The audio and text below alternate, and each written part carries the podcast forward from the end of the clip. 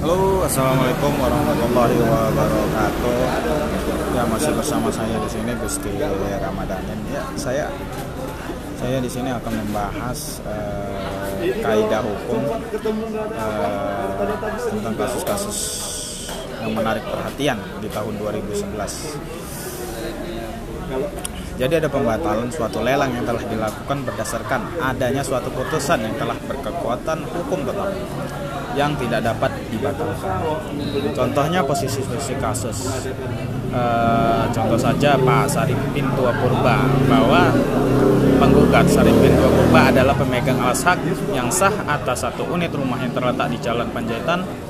nomor 153 Medan sesuai dengan putusan Pengadilan Negeri Medan nomor 44 garing 6 Romawi garing 1982 garing PN Medan tertanggal 6 November 1983 junto putusan pengadilan tinggi Medan nomor 181 garing perdata garing 1983 garing PT Medan tertanggal 4 Agustus 1983 junto putusan Mahkamah Agung RI nomor 1245 K garing perdata K garing 1984 tertanggal 31 Mei 1990 Baru yang kedua ada bahwa para penggugat adalah ahli ahli waris almarhum Hasan Chandra dengan almarhum Hasan Chandra telah memenangkan lelang atas rumah dan atas tanah yang terletak di Jalan di Panjaitan nomor 153A Medan sesuai dengan berita acara lelang nomor 330 Perdata PN Medan tanggal 14 Oktober 1982 dan risalah lelang tanggal 14 Oktober 1982 nomor 46 garing 1982 Penghukum 1983 sebagai pelaksanaan putusan Pengadilan Negeri Medan nomor 330 Perdata 1963 garing Ben Medan tanggal 11 November 1965 junto putusan Pengadilan Tinggi Medan nomor 343 Perdata 1967 garing BT Medan tanggal 8 Februari 1971 junto putusan Mahkamah Agung RI nomor 1002 K garing SIP K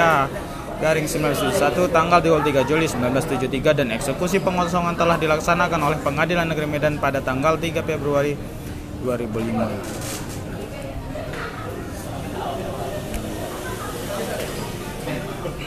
bahwa dalam putusan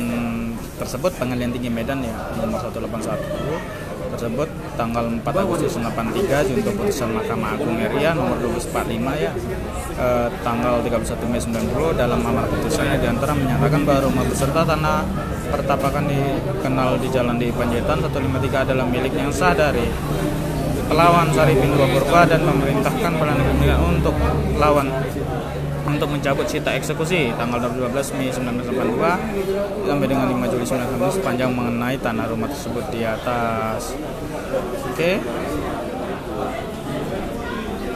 Bahwa dalam tingkat kasasi di Mahkamah RI dengan putusan nomor 106 Perdata 28 tanggal 21 Januari 2009 putusan pengadilan tinggi Medan tersebut telah dibatalkan dan selanjutnya mendili, mengadili sendiri dan menyatakan gugatan tidak dapat terima bahwa pertimbangan Mahkamah Agung bahwa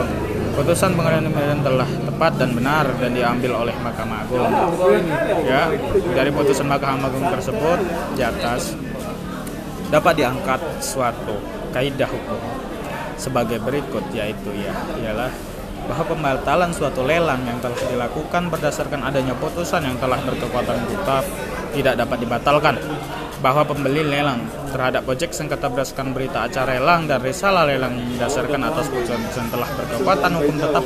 adalah pembeli lelang yang berikat baik dan oleh karena itu harus dilindungi secara hukum. Bahwa apabila di kemudian hari ada putusan yang bertentangan dengan putusan berkekuatan hukum tetap dan menyatakan putusan yang berkekuatan hukum tetap tersebut e,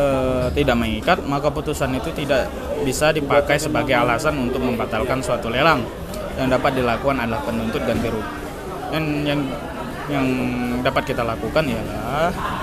menuntut ganti rugi atas objek sengketa dari pemohon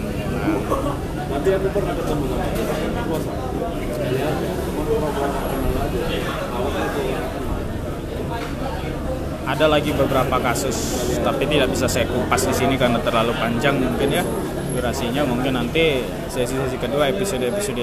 yang lainnya akan saya kupas berbagai macam kasus perdata, pidana, korupsi dan lain sebagainya. Apabila Anda mempunyai keluhan hukum bisa kontak kami di 0853 7009 8774 ya untuk konsultasi gratis. Oke, terima kasih. Wassalamualaikum warahmatullahi wabarakatuh.